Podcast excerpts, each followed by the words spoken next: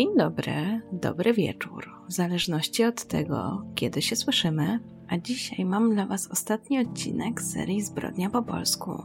Oznacza to, że w końcu przyszedł czas na Wasz wyczekany odcinek z Krakowa i województwa małopolskiego.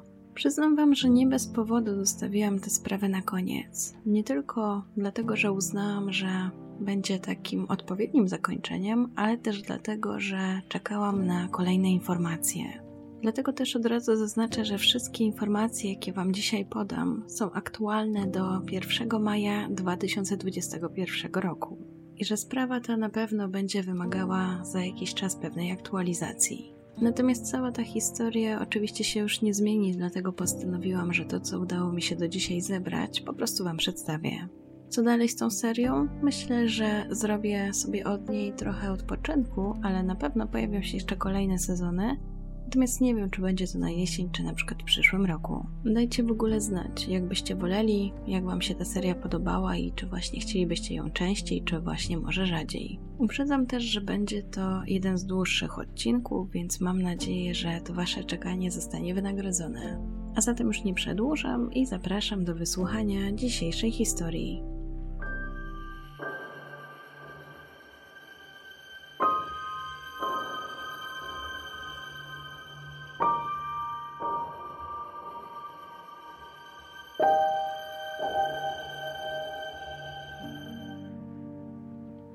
Kraków położony jest w południowej Polsce nad Wisłą.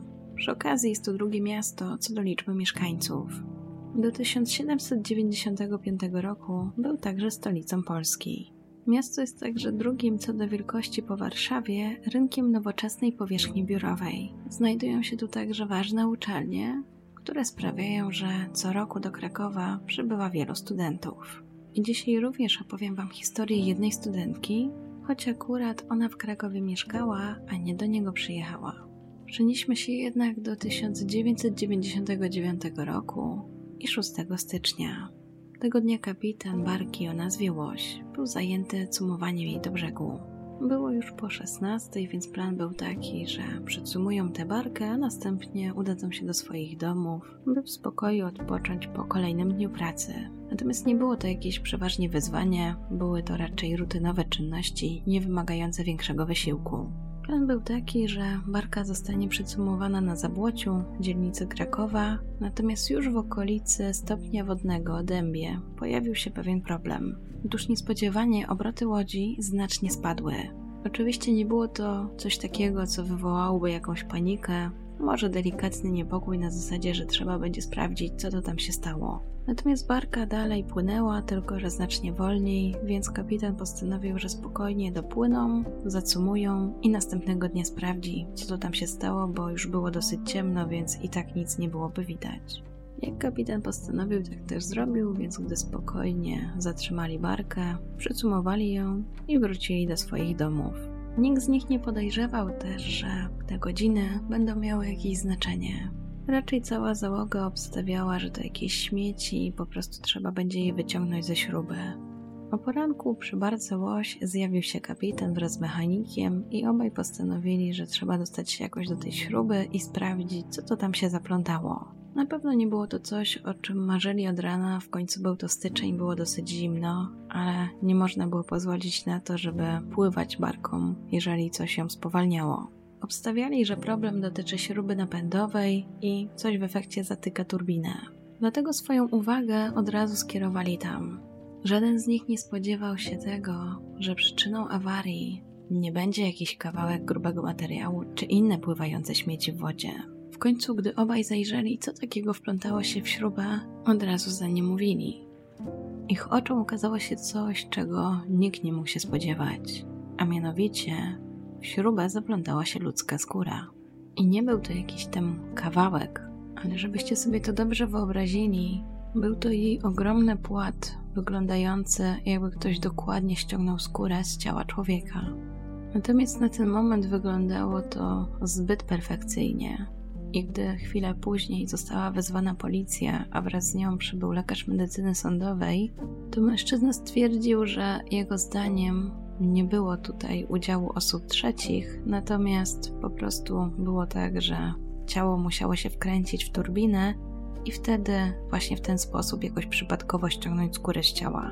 I taką wersję przedstawiała pierwsza notatka policyjna. Skórę wyłowiono jeszcze tego samego dnia, ale na tym poszukiwania się nie skończyły, bo w końcu śledczy mieli do dyspozycji tylko skórę i wiedzieli, że gdzieś tam powinny być inne fragmenty ciała. I faktycznie jeszcze pewne fragmenty udało się znaleźć 14 stycznia, ale do całego ciała brakowało ich bardzo wielu. I tak naprawdę do dzisiaj poza skórą, kawałkiem pośladków i jedną nogą nie odnaleziono żadnych innych części ciała. Na ten moment nie wiadomo też było, kto jest ofiarą. Aby się tego dowiedzieć, skóra została zabrana do zakładu medycyny sądowej i tam dokładnie przebadana. Od razu też odrzucono pierwszą hipotezę, że to oddzielenie skóry odbyło się bez udziału osób trzecich. Wykazano, że skóra, kończyny, jak i głowa zostały celowo odcięte od reszty ciała. Do tego skóra została spreparowana i swoim wyglądem przypominała coś w rodzaju body, które prawdopodobnie, oczywiście nie było to pewne, ale tak śledczy zakładali, nosił na sobie morderca. Ta sprawa stała się też dla Polski przełomowa z tego względu, że po raz pierwszy w tym kraju zastosowano badanie DNA. Na podstawie badań w Zakładzie Medycyny Sądowej udało się też wyciągnąć pierwsze wnioski na temat sprawcy. Wiadomo było, że musiała to być osoba o szczególnych umiejętnościach, najprawdopodobniej mająca doświadczenie w skurowaniu zwierząt, np. pracująca jako rzeźnik. Albo mogła to być też osoba związana z jakimś zakładem medycyny sądowej, mająca coś wspólnego z anatomią, może jakiś lekarz. Oficer krakowskiego oddziału Archiwum X, który zajmował się tą sprawą, tak wypowiadał się właśnie o niej. Pamiętam, że nie tylko ja, ale także koledzy, z którymi współpracowałem na miejscu zdarzenia, mieliśmy świadomość, że mamy do czynienia z kontynuacją albo jakąś inną wersją filmu Milczenie owiec. I faktycznie było wiele powiązań z tym filmem. Między innymi to, co zostało później ujawnione, że skóra przed wrzuceniem do Wisły została owinięta w sweter ofiary z wyciętymi fragmentami materiału z kraciastym wzorem. Jeśli oglądaliście ten film, to możecie pamiętać, że niemal identyczne wycinki materiału leżały koło mordercy w czasie finałowej sceny jego złapania przez agentkę FBI. Później, jak się okazuje, imię ofiary także się pokrywa, a ofiara ta ma zostać oskurowana. Ważnym czynnikiem jest też to, że premiera telewizyjna tego filmu w Polsce miała miejsce w 1998 roku, więc w zasadzie między wypuszczeniem tego filmu a zbrodnią było niewiele czasu. I był to też na pewno film, który zapadał w pamięci wielu osób. Być może stał się inspiracją także dla mordercy. Na tym etapie hipotezy dotyczące tej makabrycznej śmierci niemal się mnożyły i trudno było jej jednoznacznie potwierdzić albo wykluczyć, zwłaszcza, że jeszcze tożsamość ofiary była nieznana. Natomiast śledczy mieli ogromne nadzieje w tej nowatorskiej metodzie, czyli w badaniu DNA i liczyli na to, że dzięki temu dowiedzą się, komu sprawca odebrał życie. Wiedzieli też, że bez tej informacji trudno będzie ruszyć z tym śledztwem i w zasadzie nie było nawet o co się zaczepić. Oczywiście w międzyczasie sprawdzili listę osób zaginionych, zwłaszcza w obrębie Krakowa, i mieli pewne podejrzenia. I właśnie w oparciu one, i właśnie w oparciu o te podejrzenia porównywali materiał DNA, które dostarczyły rodziny osób zaginionych, z materiałem, który pobrali z tej skóry. Jeśli chodzi o hipotezy, to podejrzewano m.in. to, że może ktoś chciał wykorzystać jej ciało, ale nie było to powiązane z zabójstwem. To znaczy, była na przykład ofiarą wypadku albo popełniła samobójstwo, a potem ktoś postanowił zbezcześcić jej zwłoki. Drugą stronę zastanawiano się, że jeżeli jednak to było zabójstwo, to co mogło kierować sprawcą, aby dokonać takiego czynu? Profiler policyjny Jan Gołębiewski rozważał, że może był to jakiś rodzaj fetyszyzmu, a nawet jakiegoś nekrofetyszyzmu, bo w tej wersji wszystko wskazywało na to, że sprawca chciał zaspokoić swoje jakieś potrzeby seksualne. Pytanie, które od razu się też pojawiało, czy w takim razie była ta osoba zdrowa, czy jednak chora psychicznie. Bo jeżeli byłaby to ta druga opcja, to być może nawet sam sprawca nie potrafiłby potem wyjaśnić, co nim kierowało. Rozważano też coś, co zabrzmi trochę może dziwnie, ale czy na przykład nie było to jakieś dzieło artystyczne? Albo innego rodzaju misję, którą na przykład podpowiadała mu choroba w stylu schizofrenii. Natomiast to wszystko były domysły. Pytanie, co na pewno można było już powiedzieć. A można było podkreślić to, że sprawca był precyzyjny. Ciął skórę równo, fachowo, nie było widać żadnych poprawek. Wyglądało to naprawdę profesjonalnie. Obstawiano, że potrzebna była do tego spora siła, więc w tej roli wyobrażano sobie mężczyznę w średnim wieku. Oczywiście korzystano w tej sprawie także z pomocy psychologów, którzy starali się podpowiedzieć, kim mógłby być sprawca. Pojawiało więc się podejrzenie, że mógł on popełnić zbrodnie z powodu zaburzeń preferencji seksualnych i przejawiać jakieś cechy sadystyczne i fetyszystyczne. Wiadomo było, że w jakiś sposób pozbawił ofiarę wolności, zastosował jakąś przemoc, podał jej jakieś leki, w jakiś sposób ją otumanił. Nie można było jednak jednoznacznie stwierdzić, co było przyczyną zgonu, ponieważ brakowało wszystkich części ciała, aby to oszacować, ale wiadomo było, że sprawca kopał ofiarę, bił twardym narzędziem, używał noża, spowodował liczne złamania, rany kłute i szarpane. Dopiero po śmierci ofiary jej zwłoki rozkawałkował i wrzucił do Wisły, ale nie zrobił tego od razu po jej zaginięciu, tylko trochę później. Ale do tego wątku jeszcze wrócimy. Jeśli chodzi jeszcze o hipotezy dotyczące motywu tego sprawcy, to znalazłam na tamtym etapie śledztwa taką informację, że mogło chodzić o to, iż potrzebował skórę i dlatego zabił, a skóra była dla niego namiastką kobiecego ciała, w jakiś sposób zastępowała je. I to co ważne, mógł z nią robić co tylko chciał. W sprawie nadano kryptonim skóra jak się pewnie domyślacie, wynikało to z tego, że znaleziono skórę. I do niej poproszono o pomoc najlepszych policyjnych psychologów, którzy cały czas próbowali określić, kim jest sprawca. Wiadomo też było, że podstawą profilu psychologicznego będzie zwłaszcza to, co będzie wiadomo o ofierze. Kluczowy był więc też profil wiktymologiczny, do którego także przejdziemy. Ale to nie wszystko, bo o konsultację w tej sprawie poproszono przedstawicieli FBI na Europę. I co ciekawe, agent FBI powiedział, że jest to jedyny taki przypadek oskurowania znany w cywilizowanym świecie. Oczywiście pomijając jakieś plemiona i tak. W ramach FBI wypowiedział się także amerykański profiler, który stwierdził, że sprawca, niezależnie od tego, czy znał ofiarę, raczej jest takim nieszkodliwym dziwakiem. Oficer z archiwum X dodał także, że jest to też taki typ, któremu sąsiedzi bez wahania powierzyliby opiekę nad dziećmi. I w zasadzie to były na razie jedyne wnioski, jakie śledczy mieli do dyspozycji, ale w końcu przyszły wyniki, na które czekali. Otóż badania DNA wskazały, kim jest ofiara. I choć wtedy była to nowatorska metoda, Okazała się nią być poszukiwana od jakiegoś czasu 23-letnia studentka Uniwersytetu Jagiellońskiego, a dokładniej mieszkająca w Krakowie Katarzyna Zowada. Kim była zatem ofiara?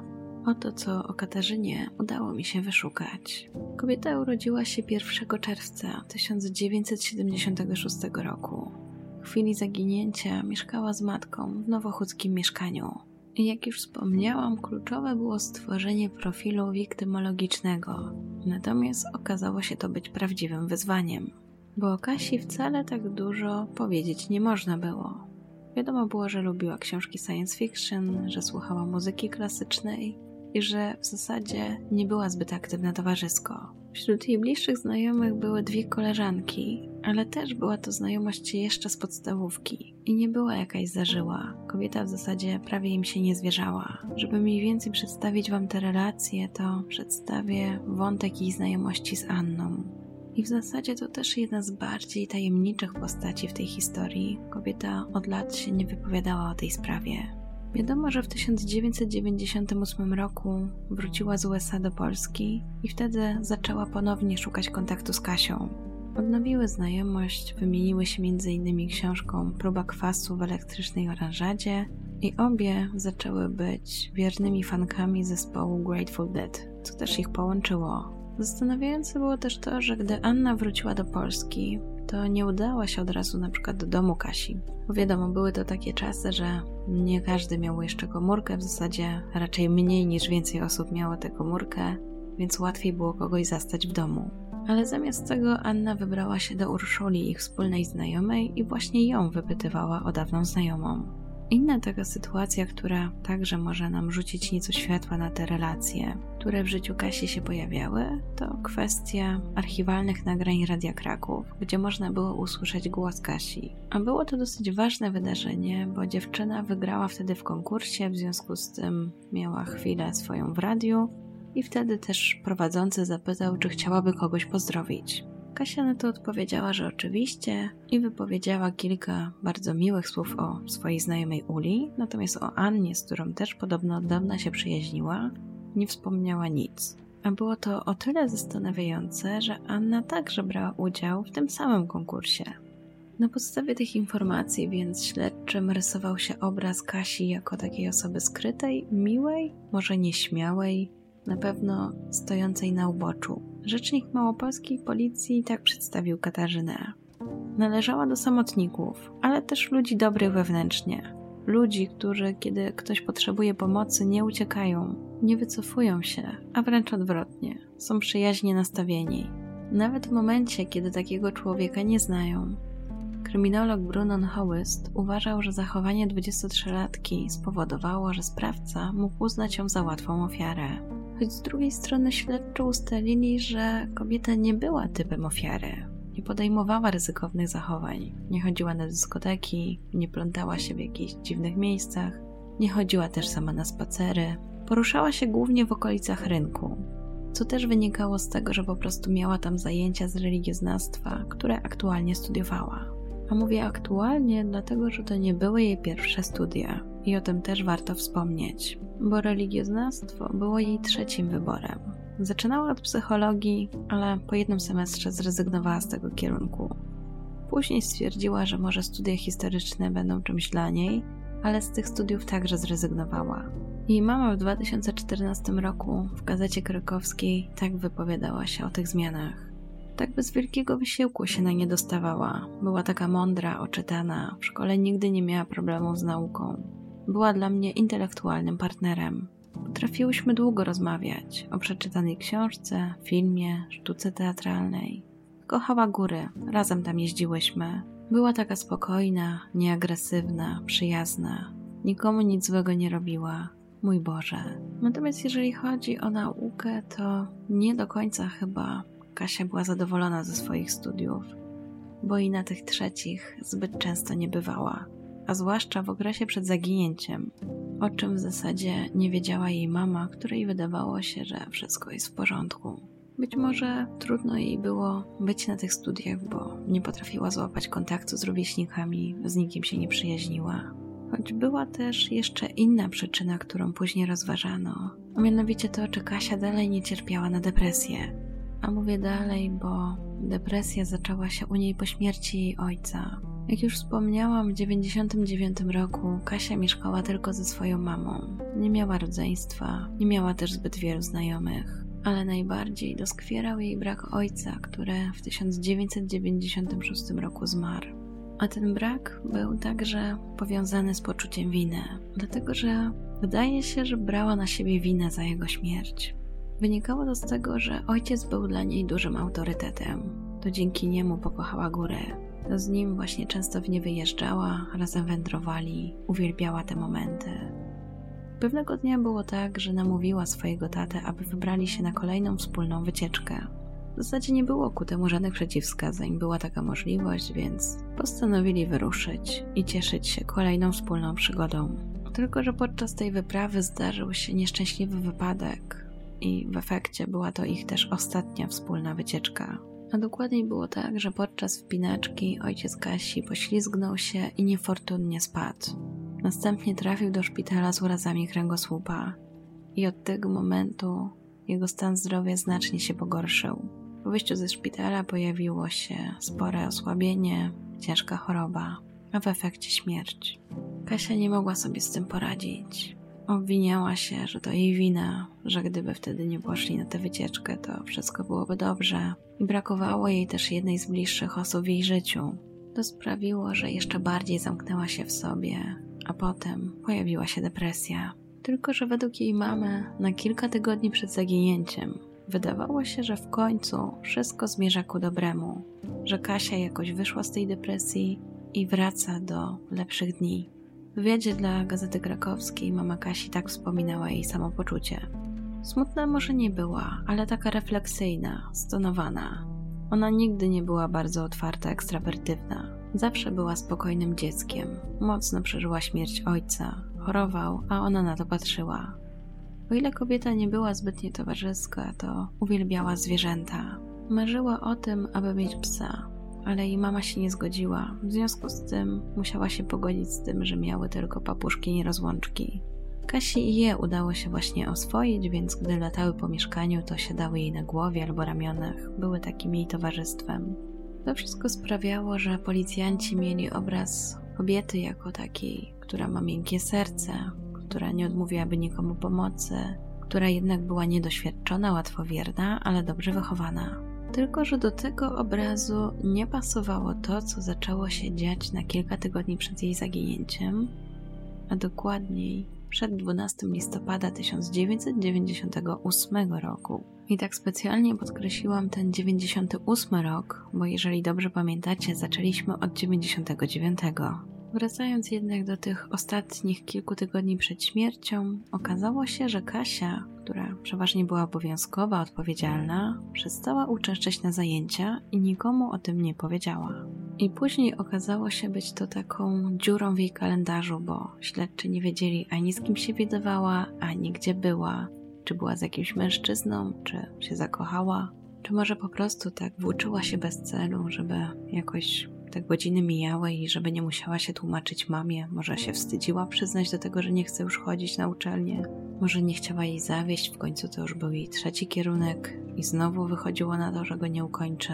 Natomiast jedynym zaczepieniem dla śledczych było środowisko muzyczne, a ściślej fanów zespołu Grateful Dead, do których zaliczała się Kasia. Wiadomo było, że bywała na giełdach, polowała na rzadkie płyty i być może właśnie tam poznała swojego oprawcę.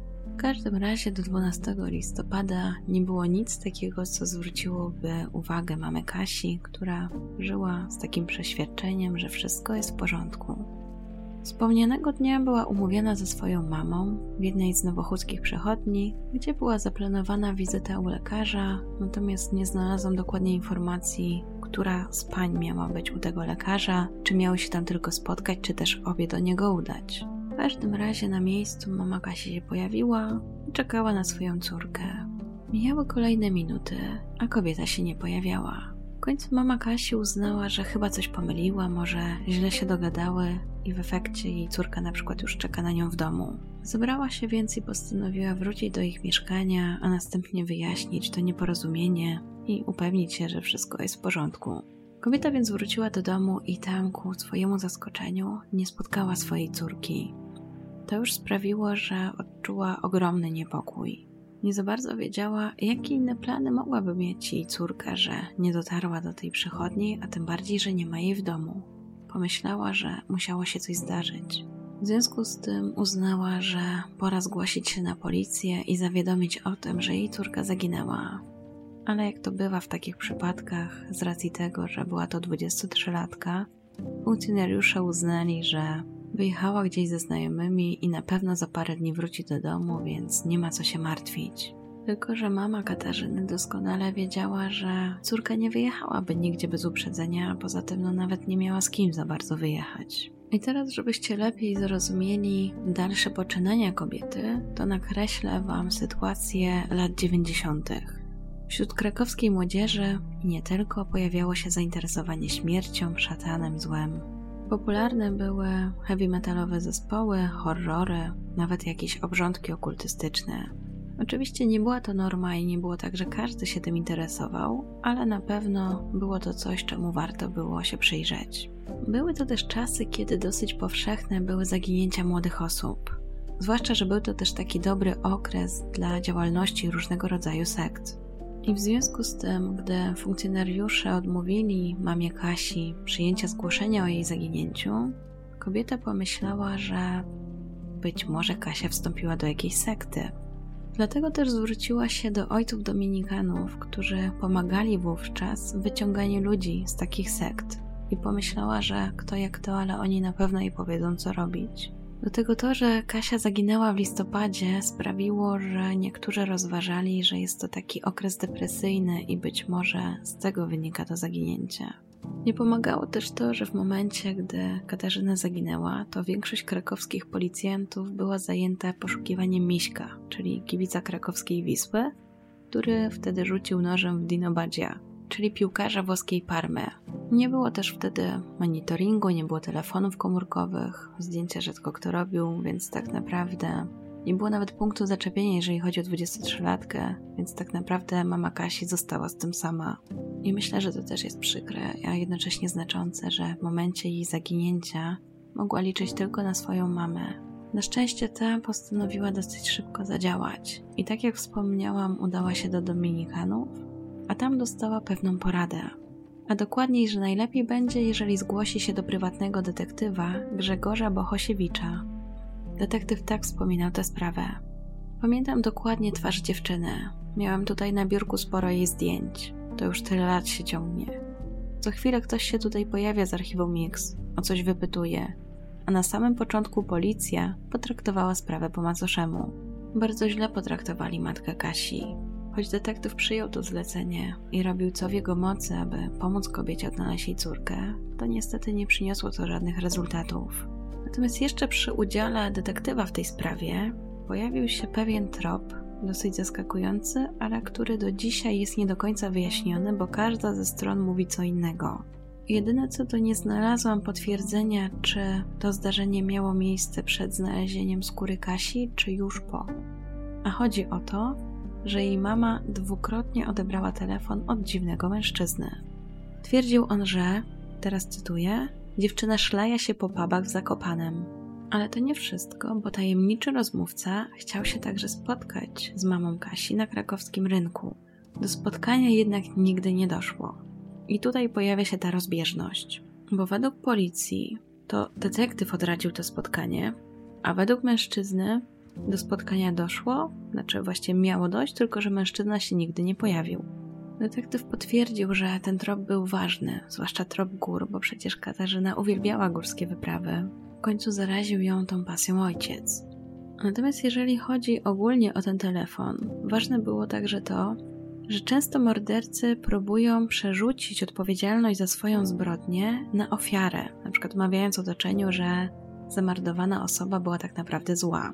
Więc to hasło, że dziewczyna szlaja się po pubach w Zakopanem, gdy wszyscy jej szukają, miałoby sprawić, że to właśnie ona jest ta zła.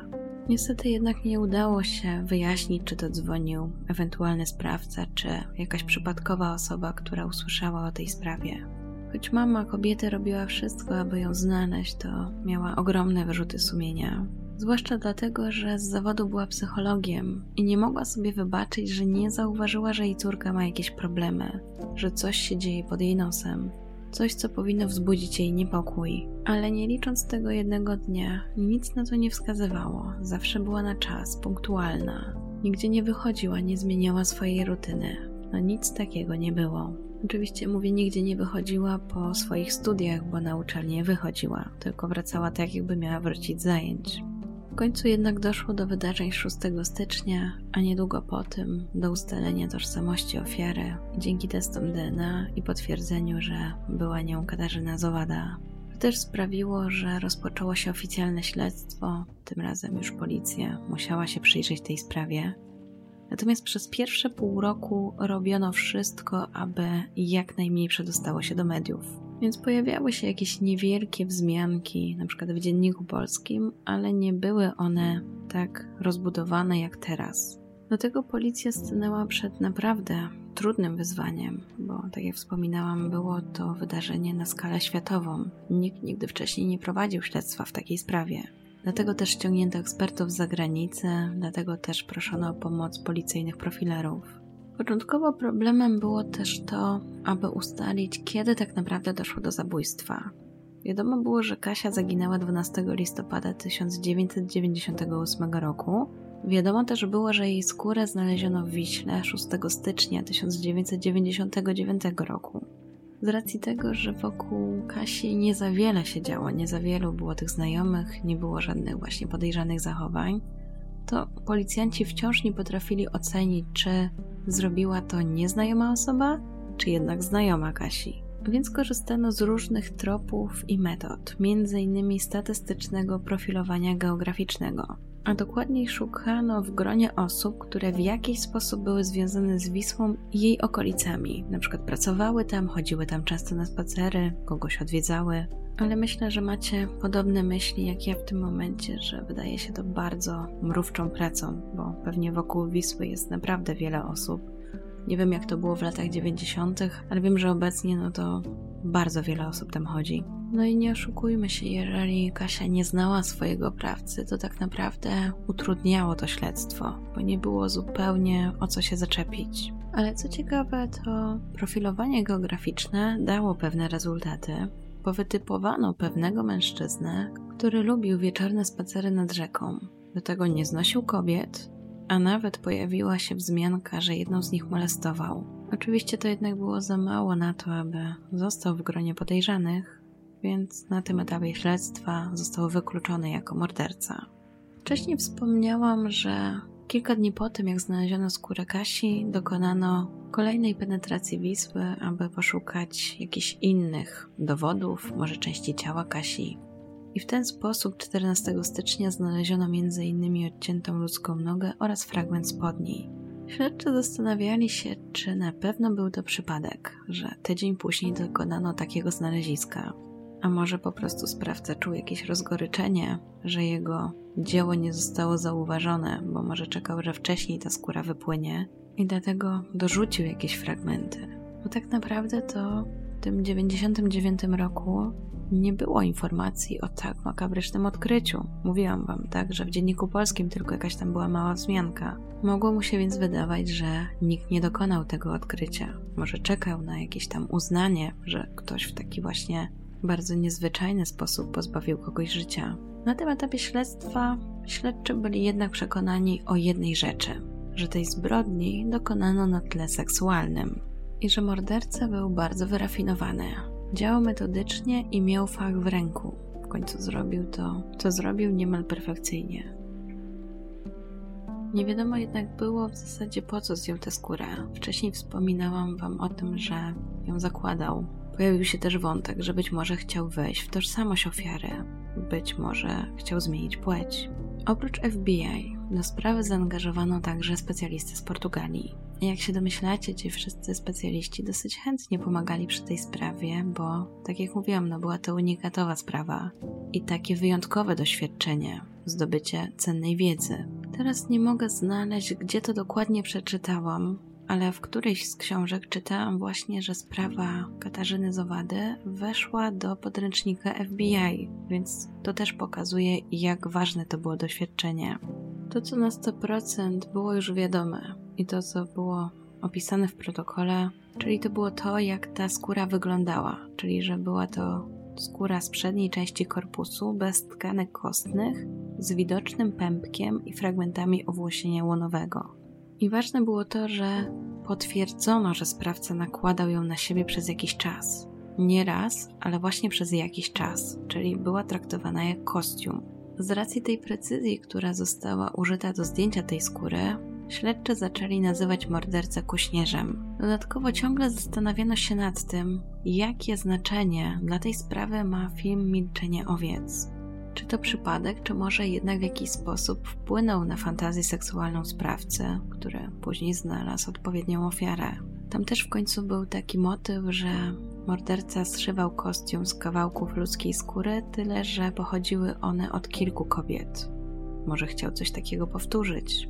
To tym bardziej sprawiało, że śledczy wiedzieli, że im mniej przedostanie się do prasy, tym lepiej, bo panika nikomu w niczym nie pomoże. Natomiast oprócz tego, co udało się do tej pory ustalić śledczym, czyli jaka mniej więcej Kasia była, gdzie chodziła, co robiła przez czas przed zaginięciem, skupiono się jeszcze na wątku klubu studenckiego pod Przewiązką. Otóż okazało się, że to właśnie tam kobieta kupowała płyty zespołu Grateful Dead. Lokal ten znajdował się wtedy w podziemiach akademika przy ulicy Bydgoskiej, obecnie już nie istnieje, ale właśnie w latach 80., 90. spotykało się tam wielu fanów muzyki. Było to takie miejsce, gdzie nie tylko się właśnie kupowało te płyty, też się nimi wymieniano, ale przede wszystkim poznawało się osoby o podobnych zainteresowaniach. Więc było to trochę też takie miejsce spotkań po prostu do którego przybywały nie tylko osoby z Krakowa i okolic, ale także z innych miast, przykład z Warszawy. Więc jeżeli chodzi o tę giełdę czy targi, jak często gdzieś pojawiało się w tej sprawie, to podejrzewam, że głównie chodziło o ten klub studencki. Bo to właśnie w nim co niedzielę odbywały się takie targi, właśnie taka giełda płyt, gdzie można było coś kupić, wymienić się i tak jak mówiłam, kogoś poznać. Podobno pierwszy raz Kasia pojawiła się w tym miejscu we wrześniu 1998 roku, czyli właściwie na krótko przed swoim zaginięciem. Nie udało się też ustalić, która z jej dwóch koleżanek pokazała jej to miejsce, ale wiadomo, że bywała tam zarówno i z Ulą, i z Anną. W końcu też pojawił się wątek, który śledczych bardzo zainteresował, a dokładniej wątek mężczyzny, którego Kasia tam poznała. Jakub był kolekcjonerem płyt i książek. W tym czasie, gdy doszło do zaginięcia Kasi, mieszkał na krakowskim Kazimierzu i co niedzielę w pod sprzedawał swoje płyty. Przez swoich znajomych był opisywany jako cichy, spokojny, nie rzucający się w oczy, skromny, nawet pedantyczny. I w zasadzie o nim śledczy się dowiedzieli od jednej z koleżanek Kasi, czyli sprawa była dosyć już poważna, na tyle poważna, że postanowiła się podzielić z jedną z nich swoimi uczuciami. Do mężczyzny dotarł także detektyw, który pomagał mamie Kasi, gdy policja jeszcze nie zajmowała się tą sprawą. I po rozmowie z nim stwierdził, że on wiedział o tym, iż kobieta się w nim podkochuje, natomiast raczej ignorował jej uczucia, choć zawsze był dla niej grzeczny i miły. Nie chciał dać jej jakiejś złudnej nadziei, bo on nie odwzajemniał jej uczuć. Zresztą był wtedy w związku z dziewczyną, która później stała się jego żoną. I choć detektyw od razu go wykluczył, że w zasadzie nie było żadnego motywu ani sposobności, aby miał coś zrobić Kasi, to policjanci patrzyli na niego trochę inaczej. Być może przez to, że chcieli szybko rozwiązać tę sprawę, w końcu budziła ogromną sensację. Być może po prostu z racji tego, że nie było żadnych innych podejrzanych, ale bacznie mu się przyglądali. Przez pewien czas nawet mieli taką teorię, że Jakubowi w morderstwie miał pomóc jego ojczym, który wtedy był policjantem. Zwłaszcza, że ten ojczym faktycznie interesował się tą sprawą, pytał, dociekał, ale podejrzewam, że chodziło głównie o to, że po prostu Jakub znał tę dziewczynę i chciał wiedzieć, co się dzieje. Oczywiście bardzo szybko został wykreślony z listy podejrzanych, w zasadzie nawet nie wiem, czy jakoś na długo na nią trafił, ale ten wątek został ucięty. Skoro z tej, powiedzmy, listy miejsc do sprawdzenia wykreślono już giełdę i jedyną osobę, o której wiadomo było, że z Kasią jakąś relację miała, to zostało jeszcze jedno miejsce do sprawdzenia, a dokładnie jej uczelnia. Tylko, że dosyć szybko wyszło, że w zasadzie tam też nie ma o co się zaczepić, bo na dwa tygodnie przed zaginięciem Kasi to nawet nikt jej tam nie widział. Nikt też nie wiedział, co robiła w tym czasie. Nie było nawet kogo zapytać, bo z nikim tam się nie trzymała. Jej mama była przekonana, że przez ten czas wychodziła na zajęcia, które odbywały się przy ulicy Grodzkiej, ale jak się okazało, tam nie docierała. Co zatem robiła? To dziś nie wiadomo.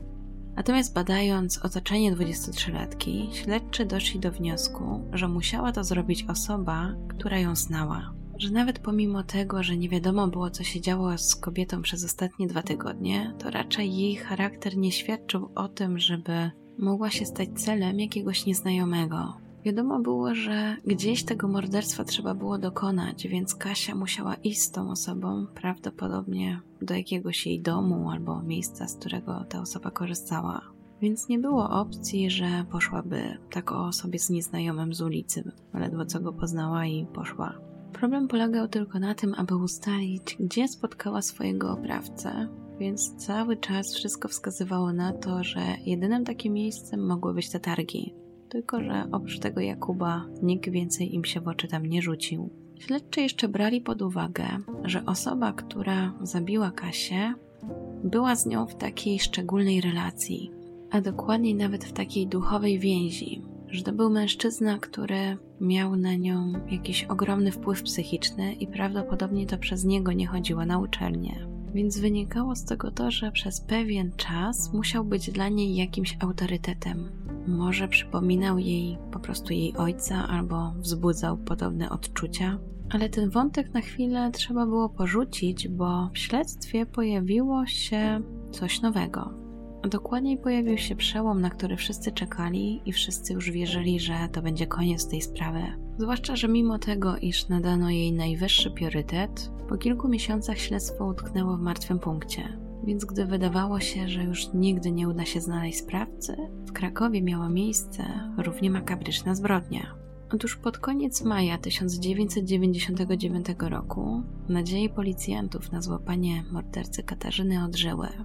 Okazało się, że w podkrakowskiej gminie Mogilany doszło do zbrodni, w której także miało miejsce ściągnięcie skóry z ofiary. Cztery miesiące po odnalezieniu skóry Katarzyny Zawady na stół sekcyjny Zakładu Medycyny Sądowej trafiło ciało mężczyzny z oskalpowaną i odciętą głową. Bardzo szybko okazało się, że zabójcą był syn ofiary, który pochodził z Kaukazu i nazywał się Władimir W. Mężczyzna tuż przed zatrzymaniem widziany był w masce, którą sobie przygotował, czyli którą zrobił ze skóry głowy swojego ojca. Był studentem i postanowił, że zbezcześci ciało swojego ojca po tym, jak go zabił, a następnie uszył sobie coś na kształt czapki kominiarki i nosił ją dumnie w akcie zemsty. Ofiarą był Witalij W., który od lat mieszkał w Polsce i którego relacje z synem nie były poprawne, wręcz odwrotnie. Natomiast gdy śledczy dowiedzieli się, że Władimir studiował psychologię, od razu pomyśleli, że mają trafienie. Zwłaszcza, że postępowanie mężczyzny było przerażające. Tak jak wspomniałam, zrobił to z zemsty. Miał też na swoim koncie studiowanie medycyny, więc wiedział dokładnie, jak zrobić to, co zrobił. Do tego szokujące było to, że jak mężczyzna ubrał tę maskę, którą przygotował, to potem prezentował ją przed swoim dziadkiem, czyli w ogóle nawet nie chciał ukryć tej zbrodni. Śledczy dotarli do informacji, że mężczyzna w przeszłości uczestniczył w rytualnym zabijaniu barana, któremu własnoręcznie poderżnął gardło i oddar ze skóry. Wyglądało więc na to, że niemal wszystkie informacje pasują do opisu sprawcy, który mógł stać za morderstwem Kasi. I naprawdę policjanci już wierzyli, że mają mordercę w garści że to jego szukali. Bardzo dokładnie przeszukano więc jego dom. Szukano jakichkolwiek dowodów na to, że miał udział w morderstwie 23-latki, ale nic takiego nie znaleziono. Więc oprócz tego, że pochodził z tego samego środowiska co Kasia, w sensie studiował psychologię, to w jego domu nie znaleziono żadnych innych śladów, które by jakoś ich łączyły, a dokładniej krwi, tkanek czy ubrań. Ale teraz możecie pomyśleć, że przecież nie musiał tego dokonać w domu, że mógł wykonać to gdzie indziej. Śledczy oczywiście też ten wątek sprawdzili, tylko że wszystko wskazywało na to, że mężczyzna w Polsce był od niedawna. Nie znał miasta. Dom był w zasadzie jedynym miejscem, w którym czuł się pewnie, w którym przeważnie bywał, a morderca Kasi dosyć dobrze musiał znać Kraków. A do tego sam Władimir nie przyznawał się, że ma cokolwiek wspólnego z morderstwem studentki każdym razie można go było skazać tylko za morderstwo własnego ojca i w związku z tym otrzymał wyrok 25 lat pozbawienia wolności, a potem po kilku latach na własną prośbę został przeniesiony do więzienia znajdującego się w Rosji. Jednak ta sprawa sprawiła, że policjanci postanowili się dowiedzieć nie tylko jak najwięcej o ofierze, ale także przejrzeć stare akta w poszukiwaniu podobnych przypadków. I między innymi natrafiono na sprawę z 1983 roku, kiedy to mężczyzna pozbawił życia swoją żonę i syna. Następnie swoją żonę poćwiartował na dziewięć kawałków, a z jej głowy zdjął skórę. Mężczyzna oczywiście pochodził z Krakowa, miał wtedy 48 lat, natomiast po tym, czego dokonał, uznano, że powinien trafić do szpitala psychiatrycznego. I pewnie z racji tego, że te sprawy dzieliło 16 lat, to nikt by się temu nie przyjrzał, gdyby nie to, że w momencie, gdy zamordowano Katarzynę, był na przepustce. Tylko, że później okazało się, że jego stan zdrowia sprawiał, że fizycznie nie był w stanie dokonać tej zbrodni, więc i jego wykreślono z tej listy. Ale powiem wam, że trop był naprawdę obiecujący, bo okazało się, że on również pozbył się części ciała swoich ofiar, także wrzucając je do Wisły. Inną sprawą, której śledczy także się przyjrzeli, była sprawa z 26 czerwca 1992 roku, ale z Katowic. Tym razem na osiedlu tysiąclecia znaleziono zwłoki kobiety, której tożsamości do dzisiaj nie ustalono, a które znajdowały się w walizce. Ją z kolei umieszczono w pobliżu rzeki. Natomiast po tym, jak sprawdzono, co jest w tej walizce, okazało się, że morderca odciął ofierze głowę, wyciął brodawki sutkowe, rozebrał jej ciało i częściowo już było zmumifikowane. Ale również i ten wątek w końcu wykluczono, bo żadnych elementów wiążących te dwie sprawy nie znaleziono. Wykluczono także hipotezę, że Kasia zginęła z rąk osoby, która porzuciła rozkawałkowane zwłoki kobiety w parku Jerzmanowskich. W związku z tą zbrodnią w 2011 roku zatrzymano mężczyznę o ksywce z Barzy, który terroryzował bezdomnych. Rok później został skazany, natomiast nie powiązano go ze sprawą Katarzyny Zowady. I w zasadzie chciałabym jeszcze wrócić do wątku jednej osoby, która gdzieś już się przewinęła w tej historii, ale jeszcze Wam więcej o niej nie opowiedziałam.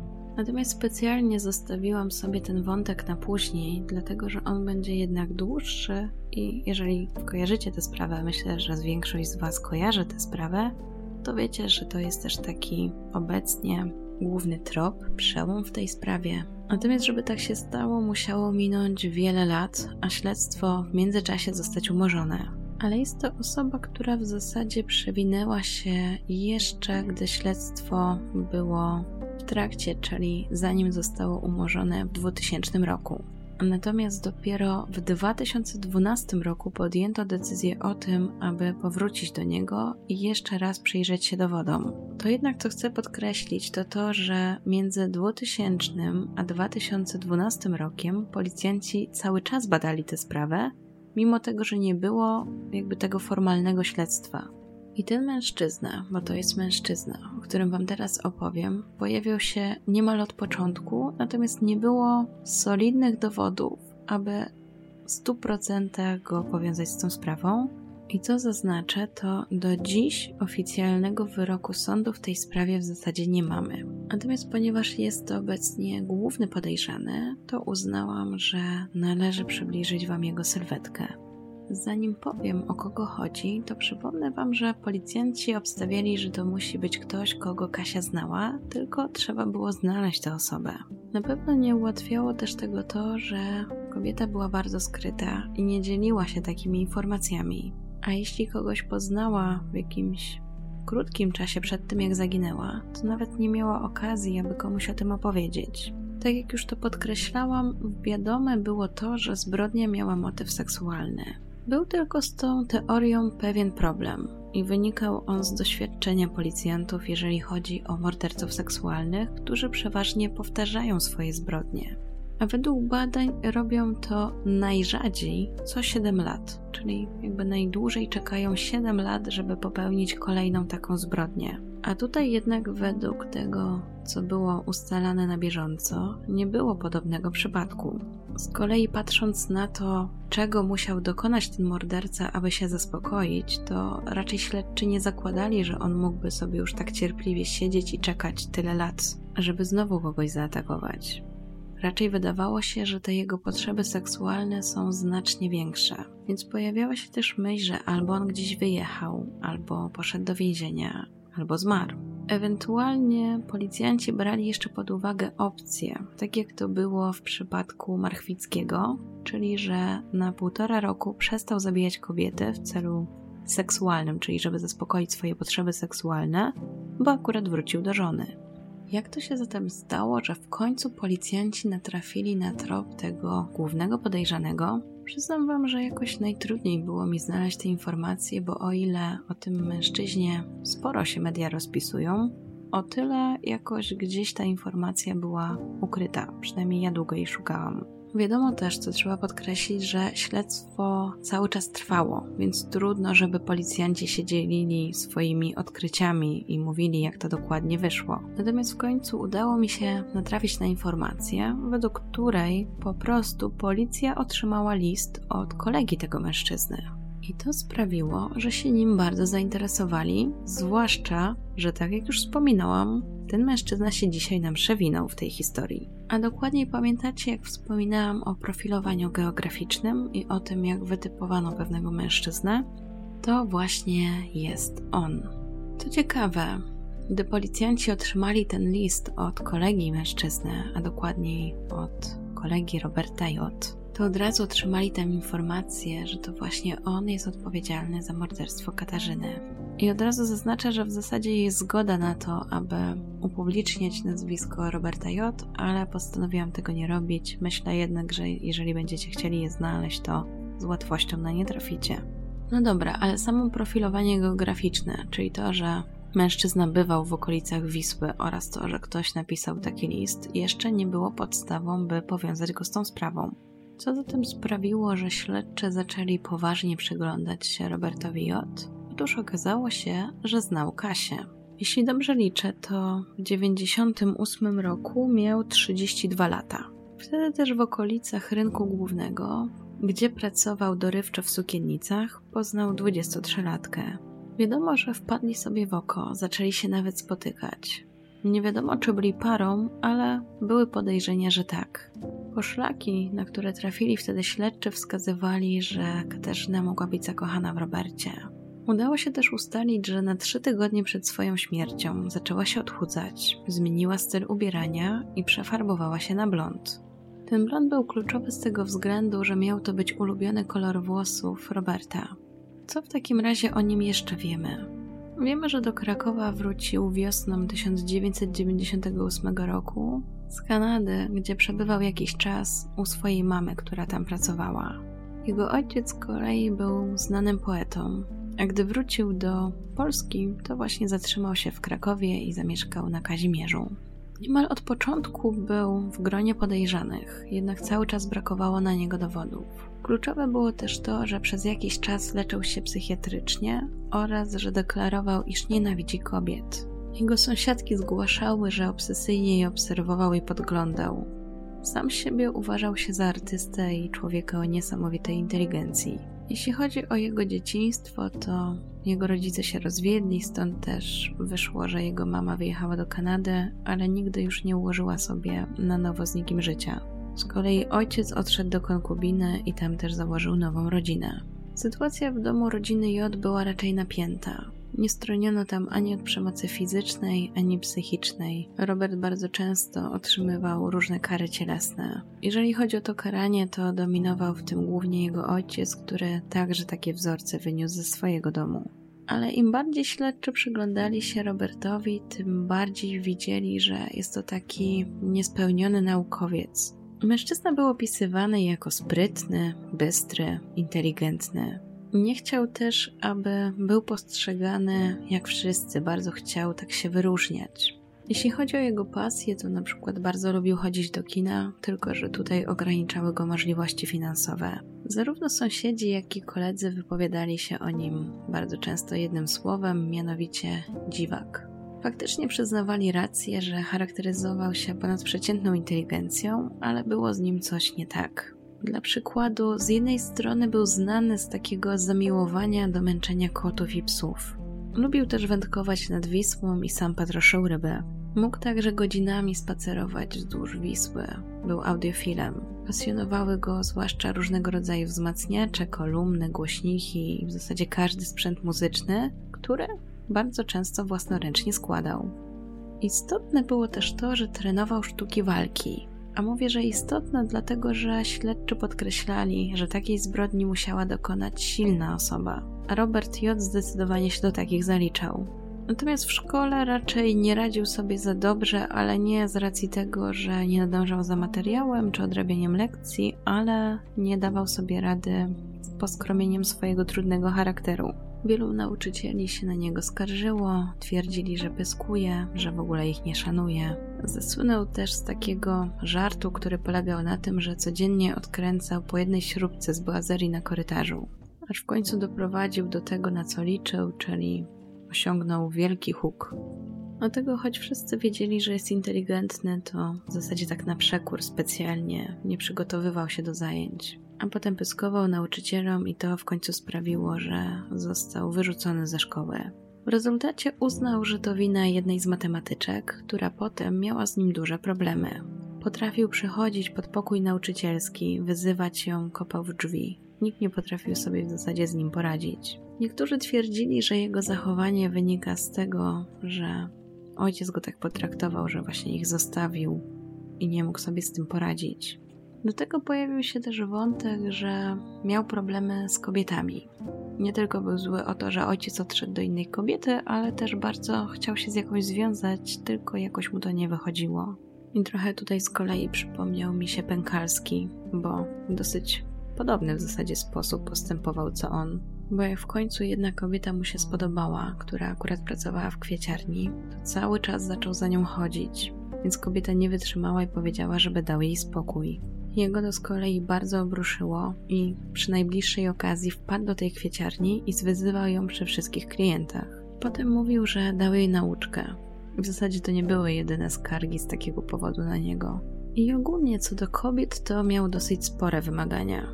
Według jego wyobrażeń miały nosić taką francuską bieliznę, być wykształcone i posłuszne. Po tym, jak zrobiło się głośno w sprawie Kasi, to niektórzy jego sąsiedzi postanowili zeznawać. Twierdzili, że gdy tylko usłyszeli informację o tym, co spotkało kobietę, to od razu pomyśleli, że sprawcą może być Robert. Niemal wszyscy wiedzieli, że on nienawidzi kobiet, a jedna z sąsiadek twierdziła, że notorycznie obserwował ją przez lornetkę, aż w końcu musiała założyć żaluzję. A gdy to zrobiła, to zaczął za nią chodzić i pisać do niej wulgarne listy. Dręczył ją psychicznie na tyle intensywnie, że zaczęła się go po prostu obawiać. Potem też wyszła informacja, że mężczyzna kupował damską bieliznę i co już wymieniałam, bardzo lubił spacery nad Wisłą. Ważną informacją wydaje się być też to, że w drugiej połowie lat 80. o mężczyznę upomniało się wojsko. W związku z tym musiał odbyć swoją obowiązkową służbę i został przydzielony do szpitala zakonnego, a dokładniej przy ulicy Trinitarskiej, gdzie dziś znajduje się tam szpital Bonifratrów, z tego co wyczytałam. Tam też miał wykonywać różne prace, między innymi pomagać w działającym tam prosektorium, więc też to wydawało się ważne z punktu widzenia śledztwa. Do tego w jego aktach pojawiła się informacja o bójkach, w które wdawał się w młodości. Pierwsza miała mieć miejsce w 1992 roku, kiedy to sam zgłosił na policję, że został dwukrotnie napadnięty przez okolicznych opryszków. Drugi atak miał przerodzić się w ostrą szarpaninę, w czasie którego rozbito mu okulary. Sam wycenił je na tamtejsze 750 tysięcy złotych. Interesujące jest też to, że składając te zeznania, podpisał się drukowanymi literami. Pojawia się też dosyć tajemniczy wątek przyjaciela Roberta, który pojawił się w jego życiu pod koniec edukacji szkolnej. Podobno mężczyzna zwrócił na niego uwagę, bo był atrakcyjny, inteligentny, fascynował się dzikimi zwierzętami, do tego bardzo kolorowo się ubierał. Później przez chwilę razem pracowali w jednym z instytutów Uniwersytetu Jagiellońskiego, ale Robert został tam zwolniony. Z tego co wyczytałam, chodziło o jakieś zabicie zwierząt, ale nic więcej nie znalazłam na ten temat. W każdym razie byli najlepszymi przyjaciółmi dalej i nagle coś się stało. Robert niemal z dnia na dzień zaczął go nienawidzić. O co poszło do dzisiaj nie wiadomo i już się nie dowiemy, bo ten mężczyzna zmarł w niewyjaśnionych okolicznościach. Na jego ciało natrafiła policja w jego mieszkaniu, i podejrzewano, że jego śmierć była związana z jakimś gadem. Natomiast biegli wykluczyli ten powód i nie znalazło informacji, jaka w takim razie byłaby przyczyna śmierci. Ale oczywiście Robert nie został z tym powiązany i to też zaznaczam. Natomiast jeżeli chodzi o tą samą pracę w tym instytucie, to też doczytałam, że to było związane z zoologią, więc to już bardziej brzmi logicznie, dlaczego to zwolnienie było związane z zabiciem zwierząt. Tam też podobno miał do czynienia ze skurowaniem tych zwierząt. Wiadomo też, że Robert pisał swoje pamiętniki, książki, a nawet czytał je niektórym. Jedna z osób, która miała okazję wysłuchać jego twórczości, twierdziła, że była ona bardzo mroczna i biła z niej niechęć do ludzi i otoczenia. Oczywiście cała ta jego twórczość jest już w rękach prokuratury. I do tego też jeszcze wrócimy. Oprócz tych sąsiadów, oprócz tego listu, pojawia się jeszcze jedna rzecz, która sprawia, że śledczy bardziej przyglądają się Robertowi.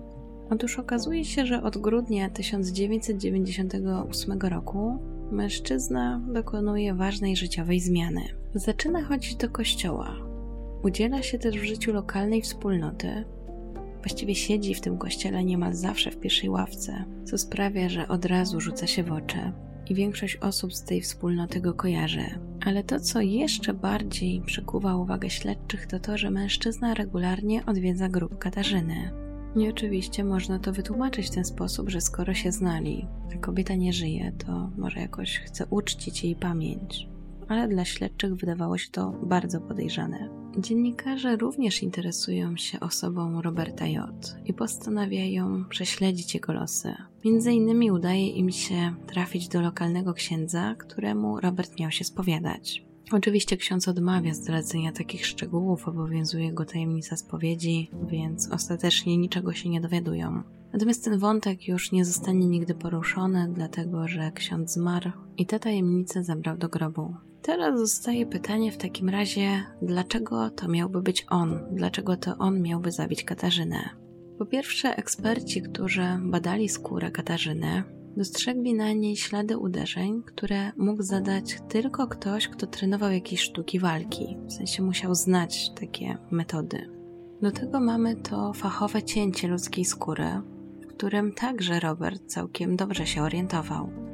Biegli wskazywali, że sprawcę charakteryzuje sadyzm, orientacja biseksualna oraz skłonność do nękania kobiet. I w tej kwestii wydawało się, że takie cechy występują u Roberta J. Do tego jego miejsce zamieszkania, które w zasadzie właściwie ta kamienica tak znajduje się niemal obok bulwarów wiślanych, więc do miejsca, w którym znaleziono skórę Katarzyny było bardzo blisko. Do tego kwestia tego, że morderca wybrałby nieprzypadkową ofiarę. I tutaj to się wydaje, że się zgadza, bo Robert znał Katarzynę i pojawia się też ta kwestia drukowanych liter, o których wcześniej Wam mówiłam, że według specjalistów pisanie w ten sposób charakteryzuje ludzi, którzy mają jakieś uzdolnienia techniczne, są zamknięci w sobie, nieprzewidywalni w działaniu i ukrywają przed światem swoją prawdziwą twarz, bronią poglądy i prywatność. Do tego są to raczej osoby, które często bywają chłodne uczuciowo, są takie obojętne, i mają bardzo szczególne upodobania seksualne. Oczywiście to nie jest tak, że interpretacja pisma jest jakimś dowodem, to raczej mogą być tylko jakieś wskazówki, więc raczej przedstawiam Wam to jako ciekawostkę. Do tego obrazu mamy jeszcze dzieciństwo Roberta, czyli kwestie tych kar, kwestie tego, że ojciec go zostawił i tego, że nie do końca się dogadywał z matką. Było w nim też wiele agresji, wiele złości, na co wskazywały te bójki i to zachowanie w szkole. Być może potrzebował swojego ujścia. Ale choć to, co Wam opowiedziałam teraz, było bardzo obiecujące i wszyscy już w zasadzie myśleli, że znowu jest ten główny podejrzany i teraz to tylko kwestia czasu, to brakowało dowodów. A to oznaczało, że na ten moment trzeba było wykluczyć Roberta z kręgu podejrzanych. Ponieważ śledczy znowu znaleźli się w punkcie wyjścia, to pojawiła się nowa, zaskakująca hipoteza a dokładniej, że morderstwa wcale mogło nie być. Otóż doktor Tomasz Konopka, który badał skórę należącą do Katarzyny, zauważył bardzo charakterystyczne rozstępy, a dokładniej zauważył je na nodze kobiety, którą znaleziono tydzień później. I na tej podstawie wysnuł taki wniosek, że w zasadzie takie rozstępy to mogły się pojawić tylko w przypadku trzech sytuacji. Pierwsza to upadek z dużej wysokości, druga to strzał w usta, a trzecia to wypadek samochodowy, ale przy prędkości powyżej 80 km na godzinę. I choć wydawało się, że to odkrycie lekarza jest cenne, to jednak nie pozwoliło zawęzić zakresu poszukiwań. Bo w tym kontekście dosyć nieprawdopodobny wydawał się fakt, że zabójca zadał sobie tyle trudu, żeby na przykład spowodować wypadek albo zrzucić ciało z jakiejś wysokości, a potem dokonać oskurowania, bo przecież naraziłby się na spore ryzyko, że ktoś go zobaczy w trakcie tego wszystkiego. Mimo tego dr Konopka raczej był przekonany, że osoba, która dokonała oskurowania, nie zabiła Kasi. Czy zatem na pewno była to jedyna możliwość, aby takie rozstępy się pojawiły? Czy na przykład nie było opcji, aby jakaś maszyna je zostawiła? Lekarz stwierdził, że faktycznie też rozważał taką możliwość, czy jakaś czyszczarka tego nie zrobiła. A dokładniej chodziłoby o czyszczarkę, która byłaby takim wielkim grzebieniem przy stopniu wodnym dąbie. Natomiast potem po przemyśleniu uznał, że ona nie spowodowałaby rozstępów, a co najwyżej złamania. Mężczyzna podkreślał też to, że w żadnej z publikacji, w żadnej literaturze nie znalazł innego powodu niż te, które wymienił, czyli te trzy Natomiast jeżeli chodzi o samo oskurowanie, to dodał, że ta osoba naprawdę zrobiła to na tyle precyzyjnie, że w zasadzie tylko przy barku widać było, że poprawiała coś kilka razy, a tak to robiła to jakby robiła to na co dzień. Natomiast gdyby to był ktoś taki jak kuśnierz, rzeźnik, myśliwy, chirurg, to pojawia się pewna nieścisłość. A dokładniej chodzi o to, że w przypadku sprawy Katarzyny to doszło do rozkawałkowania i ściągnięcia skóry, i te działania określono jako ofensywne, a to oznacza, że raczej mógł to jej zrobić tylko zabójca, czyli nie hobbysta, który chciał przećwiczyć oskurowanie, tylko raczej osoba, która zabiła Kasię. Bo typ ofensywny to taki, który zabija tylko po to, by ściągnąć skórę, czyli to jest jego nadrzędnym celem.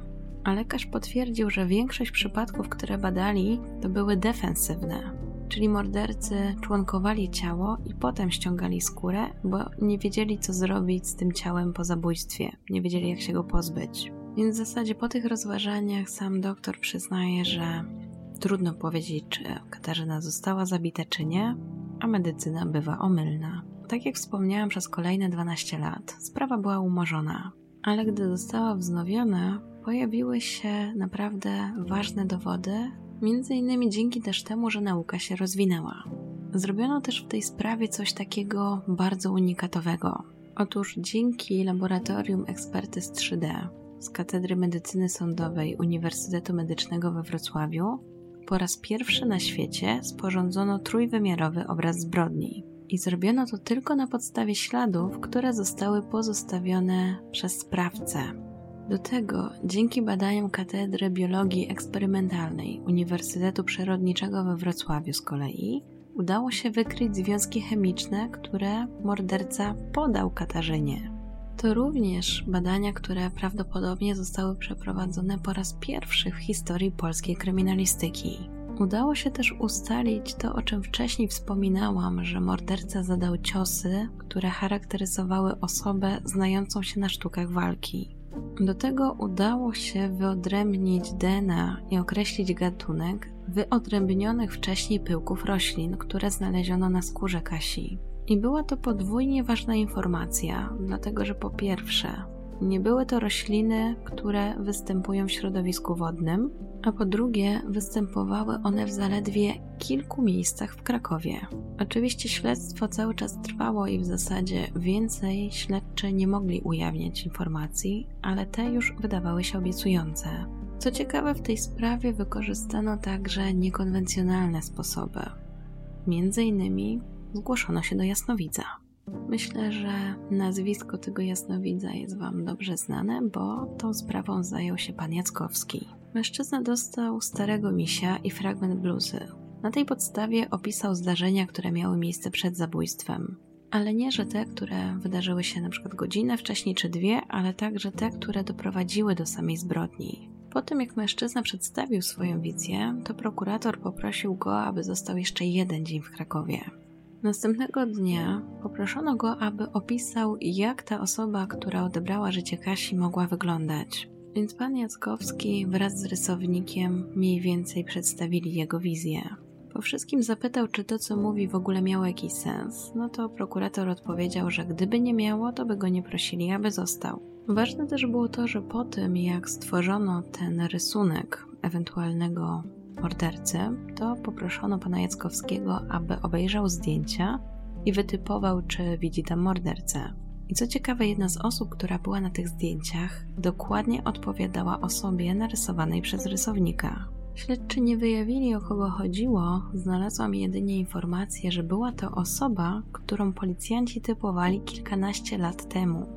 Bo z tego co wyczytałam, pan Jackowski został poproszony o pomoc w 2013 roku. I okazało się, że to nie było w zasadzie pierwszy raz. W sensie nie pierwszy raz poproszono jasnowidza o pomoc, tylko że teraz było to oficjalnie. W 2003 roku ówczesny szef Archiwum X miał nieoficjalnie też poprosić o pomoc. Wtedy też chodziło o inną sprawę, ale przy okazji pojawił się wątek sprawy Katarzyny. Natomiast tamta wizja była może interesująca dla śledczych, ale niewystarczająca, by złapać zabójcę. Teraz też znalazłam informację, że z kolei ta druga wizja mogła być jednak w 2011 roku, więc widzę, że tutaj w materiałach mam dwie informacje. W każdym razie była znacznie później. Gdy w 2012 roku wznowiono śledztwo w sprawie zabójstwa Katarzyny, to nie tylko zrobiono nowe badania, nowe ekspertyzy, ale także ekshumowano jej szczątki. Do tego zlecono ponowną sekcję zwłok. I ona też przyczyniła się do tego, że udało się stworzyć tę trójwymiarową wizualizację obrażeń, o której Wam już wspominałam.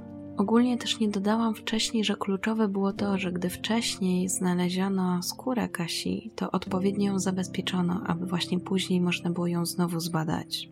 Trakcie tej sekcji właściwie znaleziono nowe dowody. Były to różnego rodzaju substancje, włosy, drobiny i włókna. I tak powoli pojawiały się te coraz to nowsze dowody, pojawiały się nowe tropy, ale tak naprawdę tempa sprawa nabrała w 2016 roku.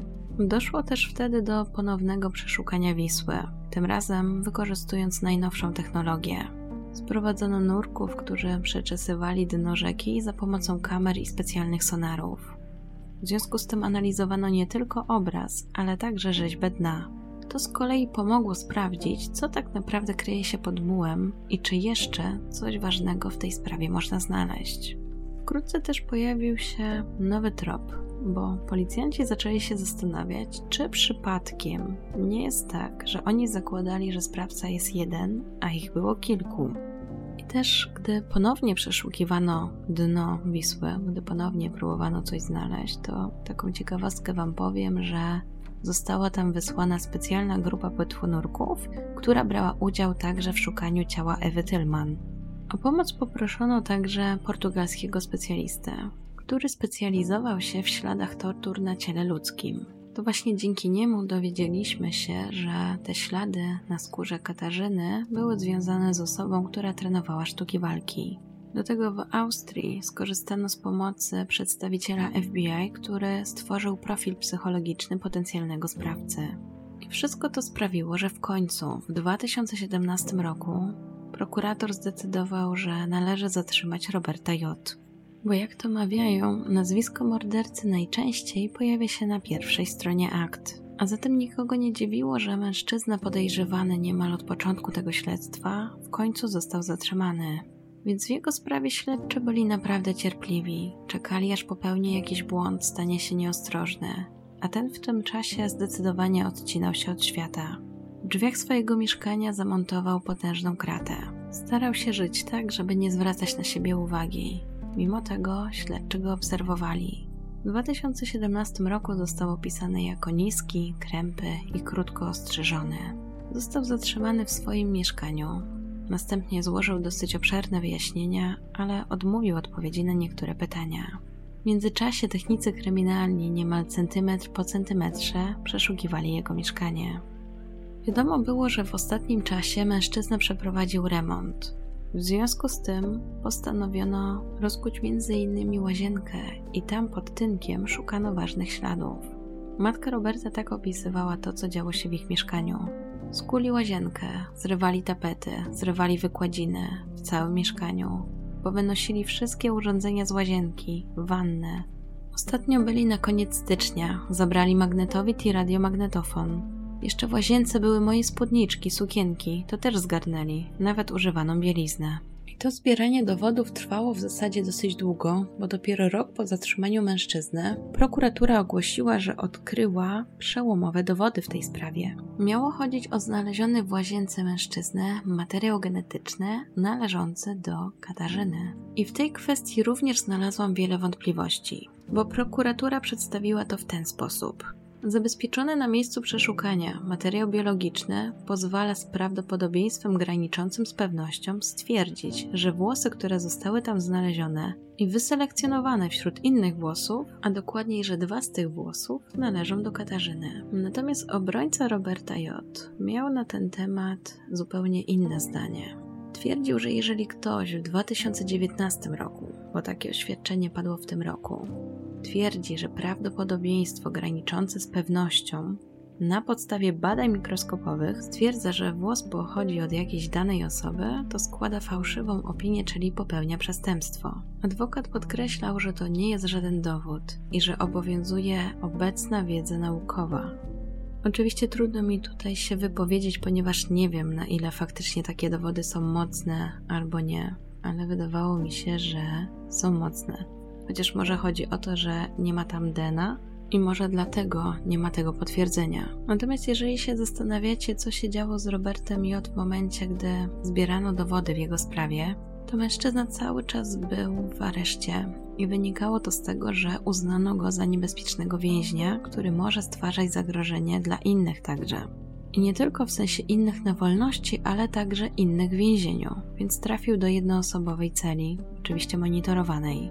Nie wiem, co dokładnie zrobił, że podjęto takie kroki, ale widocznie coś takiego ważnego się tam wydarzyło.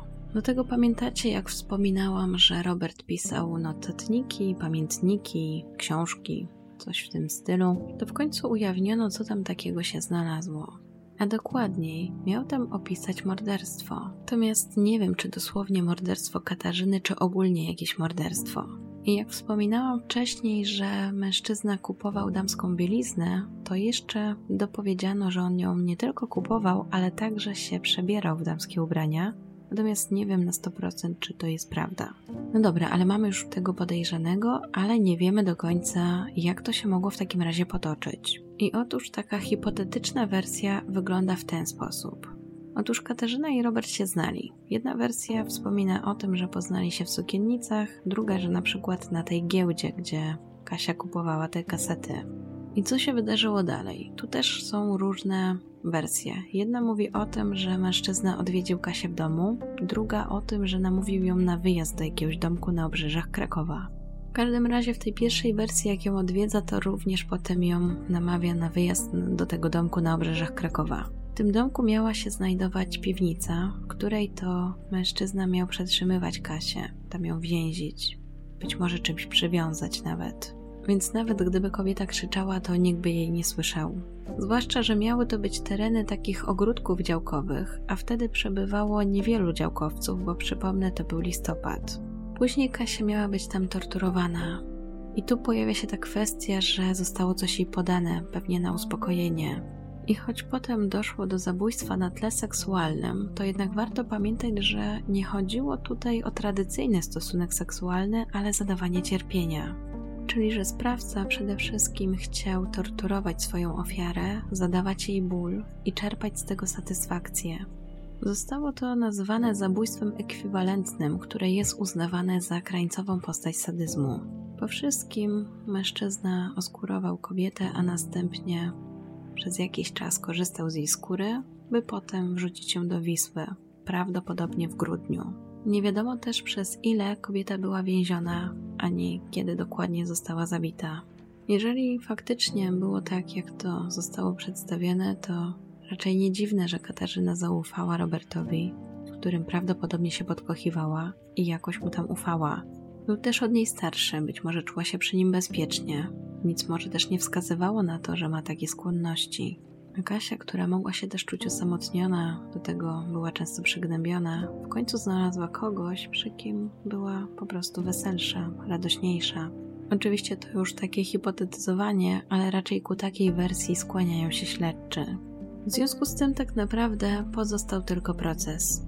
Bo choć wszystko wskazywało na to, że winnym jest Robert J., to do dzisiaj nie zapadł ostateczny wyrok w tej sprawie. W 2018 roku Sąd Okręgowy w Krakowie przedłużył areszt dla Roberta. To też dało prokuraturze dodatkowy czas, aby zebrać kolejne materiały, bo łącznie otrzymał 12 miesięcy. Później o dalszym zatrzymaniu miał już decydować sąd apelacyjny i zadecydował, bo mężczyzna przebywa w areszcie do dzisiaj. Sprawą tą zajęli się także reporterzy superwizjera, którzy między innymi dotarli do działki, o której mowa w tej sprawie. Pojawiła się tam wypowiedź jednego z osób, dawnego znajomego rodziny J, która twierdziła, że śledczy upali się na jego działkę, bo akurat na niej były rośliny, o których wcześniej wspominałam. W związku z tym właśnie ta działka była typowana na miejsce, w której dokonano zbrodni. Właściciel działki skarżył się, że technicy przekopywali ziemię kilkukrotnie, osuszyli mu oczko wodne i w zasadzie wszystko tam muskuli.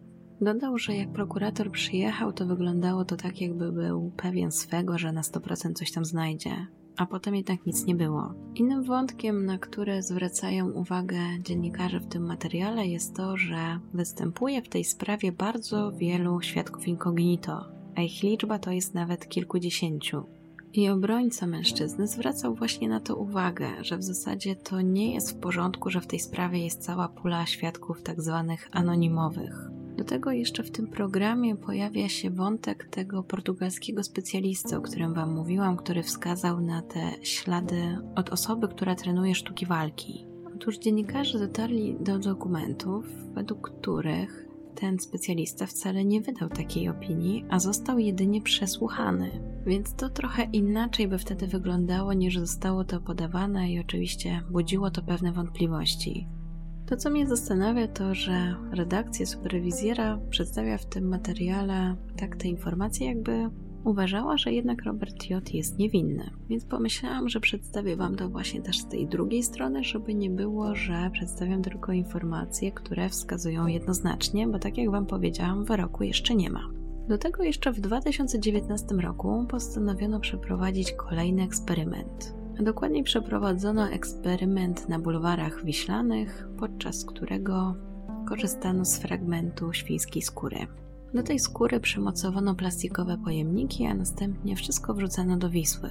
Z tego co zrozumiałam, chyba chciano ocenić, jak daleko ta skóra przepłynęła. Natomiast to, co trochę zakłócało ten eksperyment, to to, że teraz stały tam barki, których wcześniej nie było, a które znacząco wpłynęły na prąd rzeki. Dlatego ten eksperyment wyglądał tak, że gdy wrzucono tę próbkę do rzeki i jakaś nie odpływała, na przykład w ciągu 30 minut, to potem ją popychano za pomocą strug powietrza, które robił dron.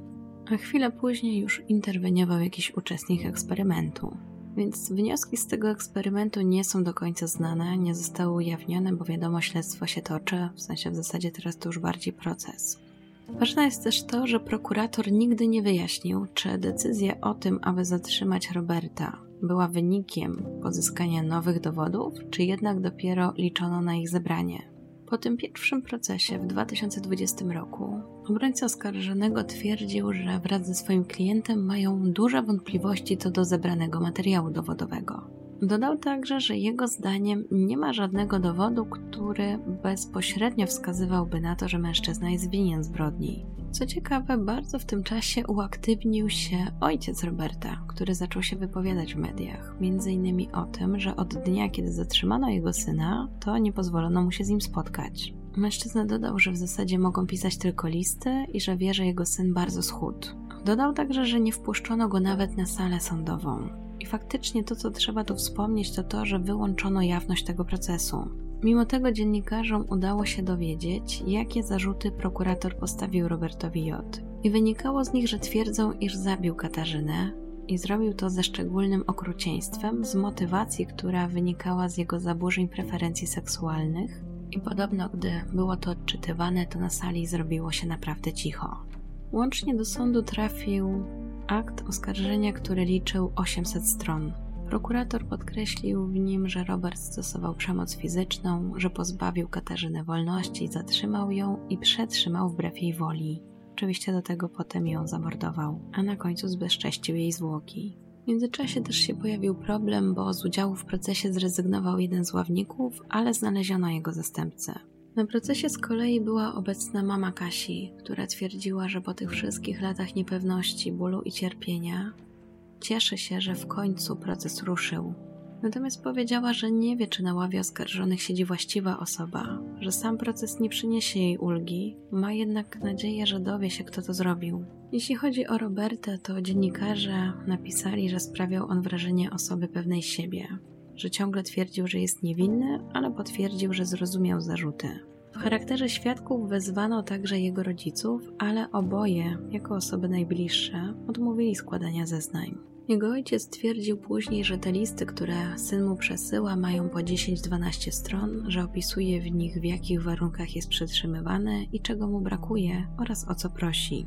Mężczyzna potwierdził, że kupił synowi mały telewizor i ma też już zgodę sądu na kolejne widzenie w tarnowskim więzieniu, gdzie jego syn jest przetrzymywany. W 2020 roku miał 79 lat i twierdził, że bał się, że nie doczeka wyroku syna. Natomiast deklarował, że nie wierzy, by był winny dokonania tego zabójstwa. Podczas tej pierwszej rozprawy ogłoszono, że kolejna ma odbyć się 7 stycznia 2021 roku. Prześledziłam informacje, ale z tego co widzę, chyba przez pandemię, nic takiego się nie odbyło. Natomiast znalazłam tylko malutki fragment, że tymczasowe aresztowanie Roberta J. zostało przedłużone do 23 września 2021 roku. To też, jak wspomniałam, wskazuje na to, że niezbędna będzie aktualizacja w tej sprawie i na pewno ją zrobię, gdy tylko się dowiem, jak się skończyło to wszystko. Na koniec jeszcze to, co powiedziała mama Katarzyny w 2014 roku w wywiadzie dla Gazety Krakowskiej.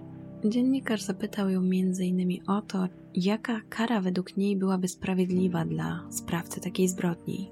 Kobieta odpowiedziała, że nie wie, że jest w niej tyle rozmaitych emocji, że w zasadzie najważniejsza to byłaby izolacja zabójcy od ludzi, przez łzy powiedziała, że trudno, żeby życzyła mu takiej samej śmierci, jaka przydarzyła się jej córce, ale chciałaby, żeby chociaż otrzymał najwyższą możliwą karę.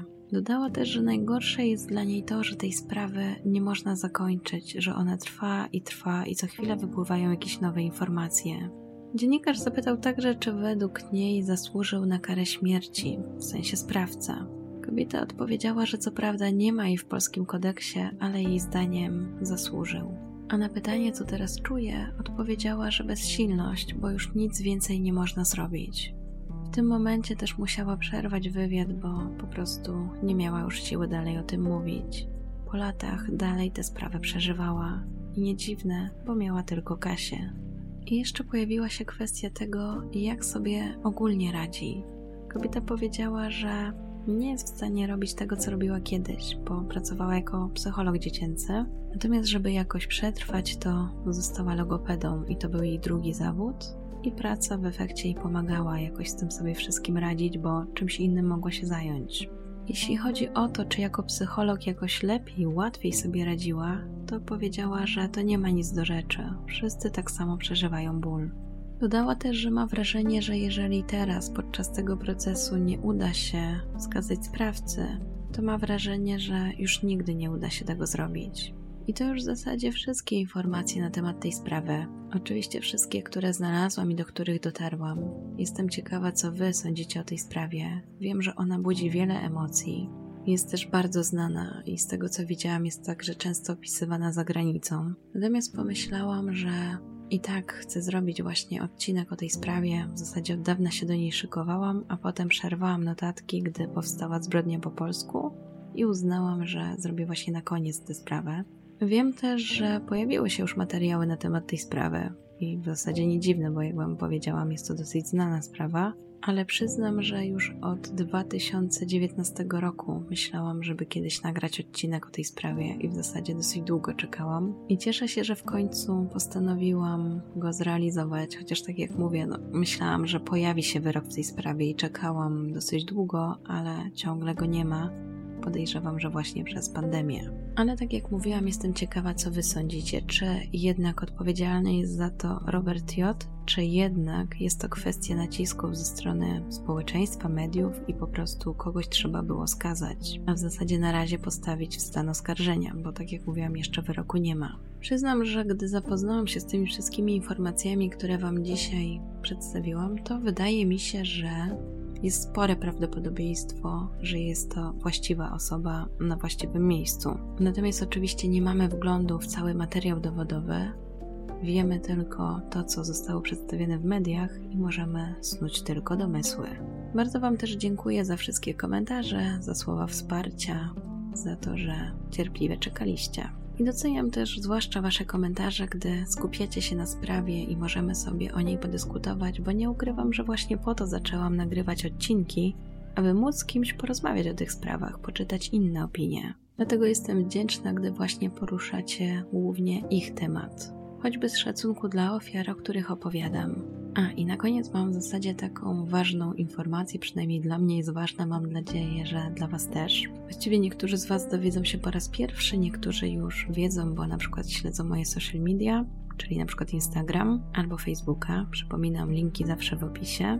Więc jest mała zmiana. Otóż mówiłam Wam, że 4 maja miała nastąpić premiera wielkiego projektu, czyli kilku odcinków, nad którymi pracowałam jakiś czas temu i dlaczego właśnie było mnie tutaj mniej, ale pojawiły się pewne sprawy i w związku z tym przesunął się nam termin na 11 maja. Także mam nadzieję, że i tak się usłyszymy, że dużo to nie zmienia. Troszeczkę wydłuża czekanie, ale już nie mogę się doczekać, abyście usłyszeli, co tam takiego przygotowałam. No dobra, i w zasadzie ode mnie to tyle. Bardzo Wam za dzisiaj dziękuję. Dziękuję za wysłuchanie, dziękuję z góry za komentarze, subskrypcje, lajki i wszystko, co od siebie dajecie. Dziękuję oczywiście też patronom i osobom wspierającym i powiem Wam, że niedługo się wezmę jeszcze raz za tego Patronite'a, bo myślę, że czas trochę tam pozmieniać, bo trochę czasu już minęło, a ja dawno nie robiłam żadnej aktualizacji i chyba właśnie czas zrobić z tym porządek. Dziękuję Wam w każdym razie za zaufanie i w związku z tym, że kończy się zbrodnia po polsku, na pewno wymyślę coś nowego, żeby Was jakoś wyróżnić. A teraz życzę Wam miłego dnia, dobranoc, do usłyszenia.